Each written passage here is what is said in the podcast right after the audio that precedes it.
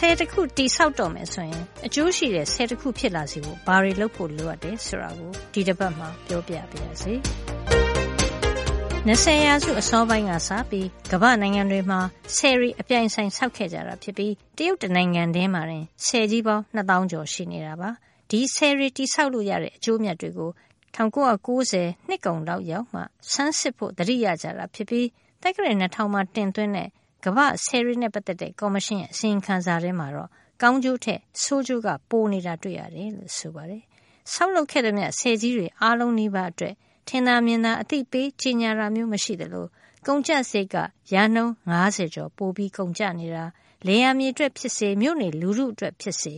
ရေပေးဝေဖို့အတွက်သတ်မှတ်ထားတဲ့ပမာဏထက်နည်းပြီးပေးနိုင်တာ ပတ်ဝန်းကျင်ထိခိုက်မှုရှိစေတာတွေတွေ့ရတယ်လို့ဖော်ပြထားတာပါ။ဆယ်ရီကြောင့်ကန္နာရဝန်းကျင်စိမ့်လိုက်ရမယ်အစားရေနဲ့ကွင်းတွေကိုခန်းချောက်စေပြီးကန္နာရအဖြစ်ရောက်သွားစေတာမျိုးရှိနေတယ်လို့ဆယ်ရီသွင်းစနစ်နဲ့စိုက်ပျိုးနေတဲ့မြေဧကစုစုပေါင်းရဲ့လေးပုံတပုံဟာစားပေါက်ကုန်တာမျိုးတွေတွေ့နေရပါတယ်။ ဒီလိုမဖြစ်စေဖို့အတွက်ဆဲကိုလိုအပ်မှစောက်ဖို့လုပ်ရမှာဖြစ်တဲ့အပြင်လိုအပ်လို့စောက်မယ်ဆိုရင်လည်းဆဲတီဆောက်မဲ့ဒေတာရဲ့အချက်လက်တွေကိုသိအောင်လုပ်ဖို့လိုတယ်လို့အင်ဂျင်နီယာဘူမိဗေဒပညာရှင်ဦးသိမ့်ပိုင်ကပြောပါတယ်ဆယ်ဆောက်တယ်ဆိုတာရေလုံအောင်တောင်းနိုင်ဖို့လဲလိုတာကိုဆယ်ကိုတောင်းလိုက်တယ်တောင်းလိုက်တဲ့ရေတွေကမြေအောက်ကနေပြန်စိမ့်ထွက်သွားမယ်အကြောင်းကြောင်းကြောင့်အဲ့ဒါဆိုရင်လည်းရေမတင်နိုင်ဘူးနောက်တစ်ခါဒီမိုးရေချိန် ဆည်တခုဆောက်တယ်ဆိုတာအဓိကရေကိုလှောင်ပြီးဆောက်ရတာဖြစ်တဲ့အတွက်ကြောင့်မို့လို့အဲဒီဧရိယာရဲ့ရမယ့်မိုးရေချိန်ကလည်းအရမ်းကိုအရေးကြီးတယ်။ Technically ပြောမယ်ဆိုရင်တော့ Hydrology data တွေပေါ့နော်။အဲဒါတွေကမှန်ကန်ဖို့လိုပါတယ် ဆည်ဆောက်တယ်ဆိုတော့ အဲဒီအပေါ်မှာ အခြေတည်ပြီးတော့မှ ဒီဇိုင်းကိုလုပ်ရတာ ဖြစ်တဲ့အတွက်ကြောင့်မို့လို့ ဆည်ကြီးက ကြီးနေပြီးတော့ မိုးကမရွာတော့ ရေကမဝင်ဘဲနဲ့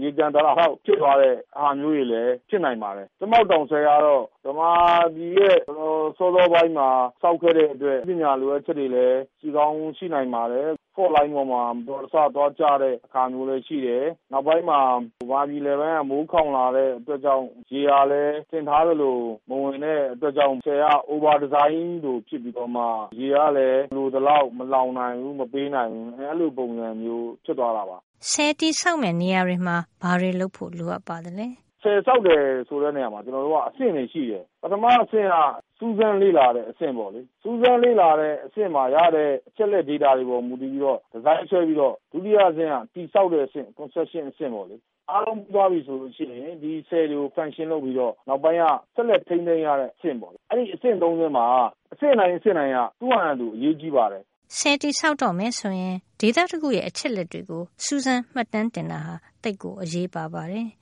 ဒီစူးစမ်းလေ့လာတဲ့အဆင့်လို့ပြောတဲ့ဒီ investigation stage မှာလည်းဒီဘက်ခေတ်တွေမှာတော့နည်းပညာတွေလည်းအများကြီးတိုးတက်တော့ survey လုပ်တွေ၊မြေတိုင်းတာတွေ topography ဘာညာဒါတွေကအမြင်အထင်လုပ်ရတဲ့အခါကျတော့နောက်ပိုင်းမှာသိပ်မမှားနိုင်တော့ဘူး။မှားနိုင်တာတွေကဘာတွေလဲဆိုတော့ဇလဗေဒနဲ့ဆိုင်တဲ့အချက်အလက်တွေ hydrology data တွေနောက်တခါမိုးရေချိန်မှတ်တမ်းတွေမိုးရေချိန်မှတ်တမ်းတွေကလည်းမှန်ဖို့လိုတယ်။ နောက်တခါအပူချိန်မှတ်တမ်းတွေ မိုးနည်းသွားပြီးတော့ အပူချိန်မြင့်လာလို့ရှိရင် ဆည်ထဲကိုလှောင်မယ့် ဝင်မယ့်ရေက နည်းသွားတယ်။အပူချိန်မြင့်တော့ ရေငွေ့ပျံနှုန်းများသွားတော့ ဆည်ထဲမှာ ရေမတင်နိုင်တော့ဘူး။နောက်တခါ အဲဒီဆည်ဖြတ်ပိတ်မယ့် မြစ်ရေအတက်အကျမှတ်တမ်း ဘယ်လောက်စီးတယ်။နောက်တခါ အဲဒီမြစ်ရေကနေ သယ်လာတဲ့ ပါဝင်တဲ့ အနယ်အနှစ်တွေနှုန်းတွေပါဝင်မှုမှတ်တမ်း၊ရေငွေ့ပျံမှုမှတ်တမ်း အဲဒီဧရိယာအေးတဲ့ဒေသဖြစ်ရင်လည်း ဆီးနှင်းကျတဲ့မှတ်တမ်း၊ဆီးနှင်းတွေပျော်တဲ့မှတ်တမ်း အဲဒါတွေကို သေသေချာချာအချိန်ယူပြီးတော့မှမှန်မှန်ကန်ကန်တိုင်းတာမှတ်တမ်းတင်ထားဖို့လိုတယ်။အဲလိုမဟုတ်ဘဲနဲ့အလုပ်ပြီးရင်ပြီးရောဆိုပြီးတော့ဇယားထဲမှာ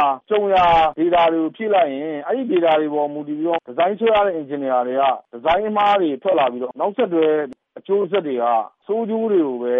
ရမှာပေါ့လေ ခုနပြောတဲ့မှတ်တမ်းတွေက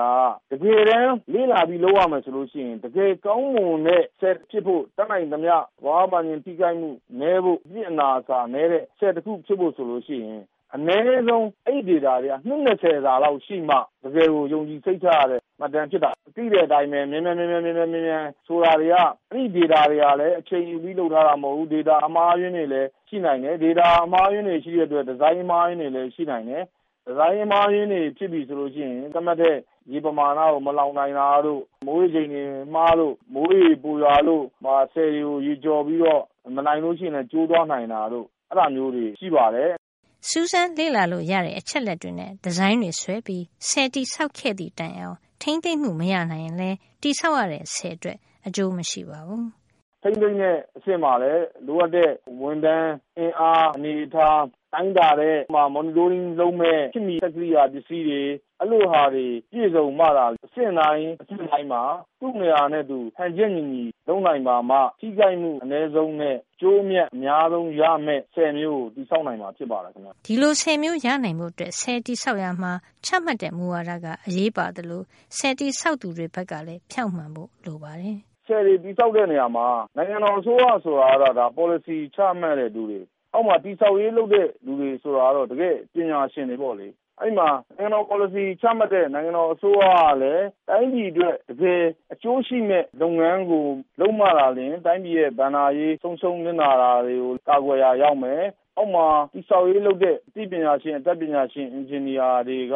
လည်းတကယ်လိုအပ်ရင်လိုအပ်တယ်မလိုအပ်ရင်မလိုအပ်ဘူးဆိုတာကိုကိုယ့်ရဲ့ပညာရပ်ပေါ်မှာရပ်တည်ပြီးတော့မှနိုင်ငံတော်အစိုးရကိုပြန်ပြီးတင်ပြတာတို့ဘာတို့လုပ်ခဲ့မယ်နောက်တခုက policy ချမှတ်တဲ့အစိုးရပိုင်းကလည်းစေတနာမှန်မှန်စိတ်ထားမှန်မှန်နဲ့တိုင်းပြည်ပေါ်မှာစေတနာထားပြီးလုပ်မယ်အောက်ကအသိပညာရှင်အတတ်ပညာရှင်ကလည်းစေတနာမှန်မှန်ဖြောင့်ဖြောင့်မတ်မတ်နဲ့လုပ်မယ်ဆိုလို့ရှိရင်ခုနလိုဆုံးရှုံးတာတွေတိုင်းပြည်ရဲ့ဘဏ္ဍာငွေနစ်နာတာတွေကိုအထိုက်လျောက်လျှော့ချနိုင်မယ်။ကျနော်တို့နိုင်ငံကချမ်းသာတဲ့တကယ့်ဖြစ်နေတဲ့နိုင်ငံလည်းမဟုတ်တဲ့အခါကျတော့ဒီဘဏ္ဍာငွေတွေဟာတခြားလိုအပ်တဲ့နေရာတွေမှာအများကြီးအသုံးချလို့ရမှာပေါ့လေ။ အဲဒါကြောင့်မို့လို့နောက်ပိုင်းဆည်တွေဆောက်မယ်ဆိုလို့ရှိရင်ပေါ်လစီချမှတ်တဲ့လူတွေဘက်ပိုင်းကရောတကယ်တည်ဆောက်မယ့်ပညာရှင်ပိုင်းကရောအပြန်အလှန်နားလည်မှုတွေနဲ့ညှိနှိုင်းပြီးတော့မှသေသေချာချာအချိန်ယူလေ့လာပြီးတော့မှပဲတည်ဆောက်သင့်တယ်လို့အဲလိုမျိုးအကြံပေးချင်ပါတယ်ခင်ဗျ။အင်ဂျင်နီယာဘူမိဗေဒပညာရှင်ဦးသိန်းပိုင်ရဲ့ပြောကြားချက်နဲ့ပဲဒီသတင်းပတ်အတွက်သိပ္ပံနဲ့နည်းပညာကဏ္ဍကိုဒီမှာပဲရန်နာလိုက်ပါရစေ။နောက်တစ်ပတ်မှာပြန်ပြီးဆင်ကြအောင်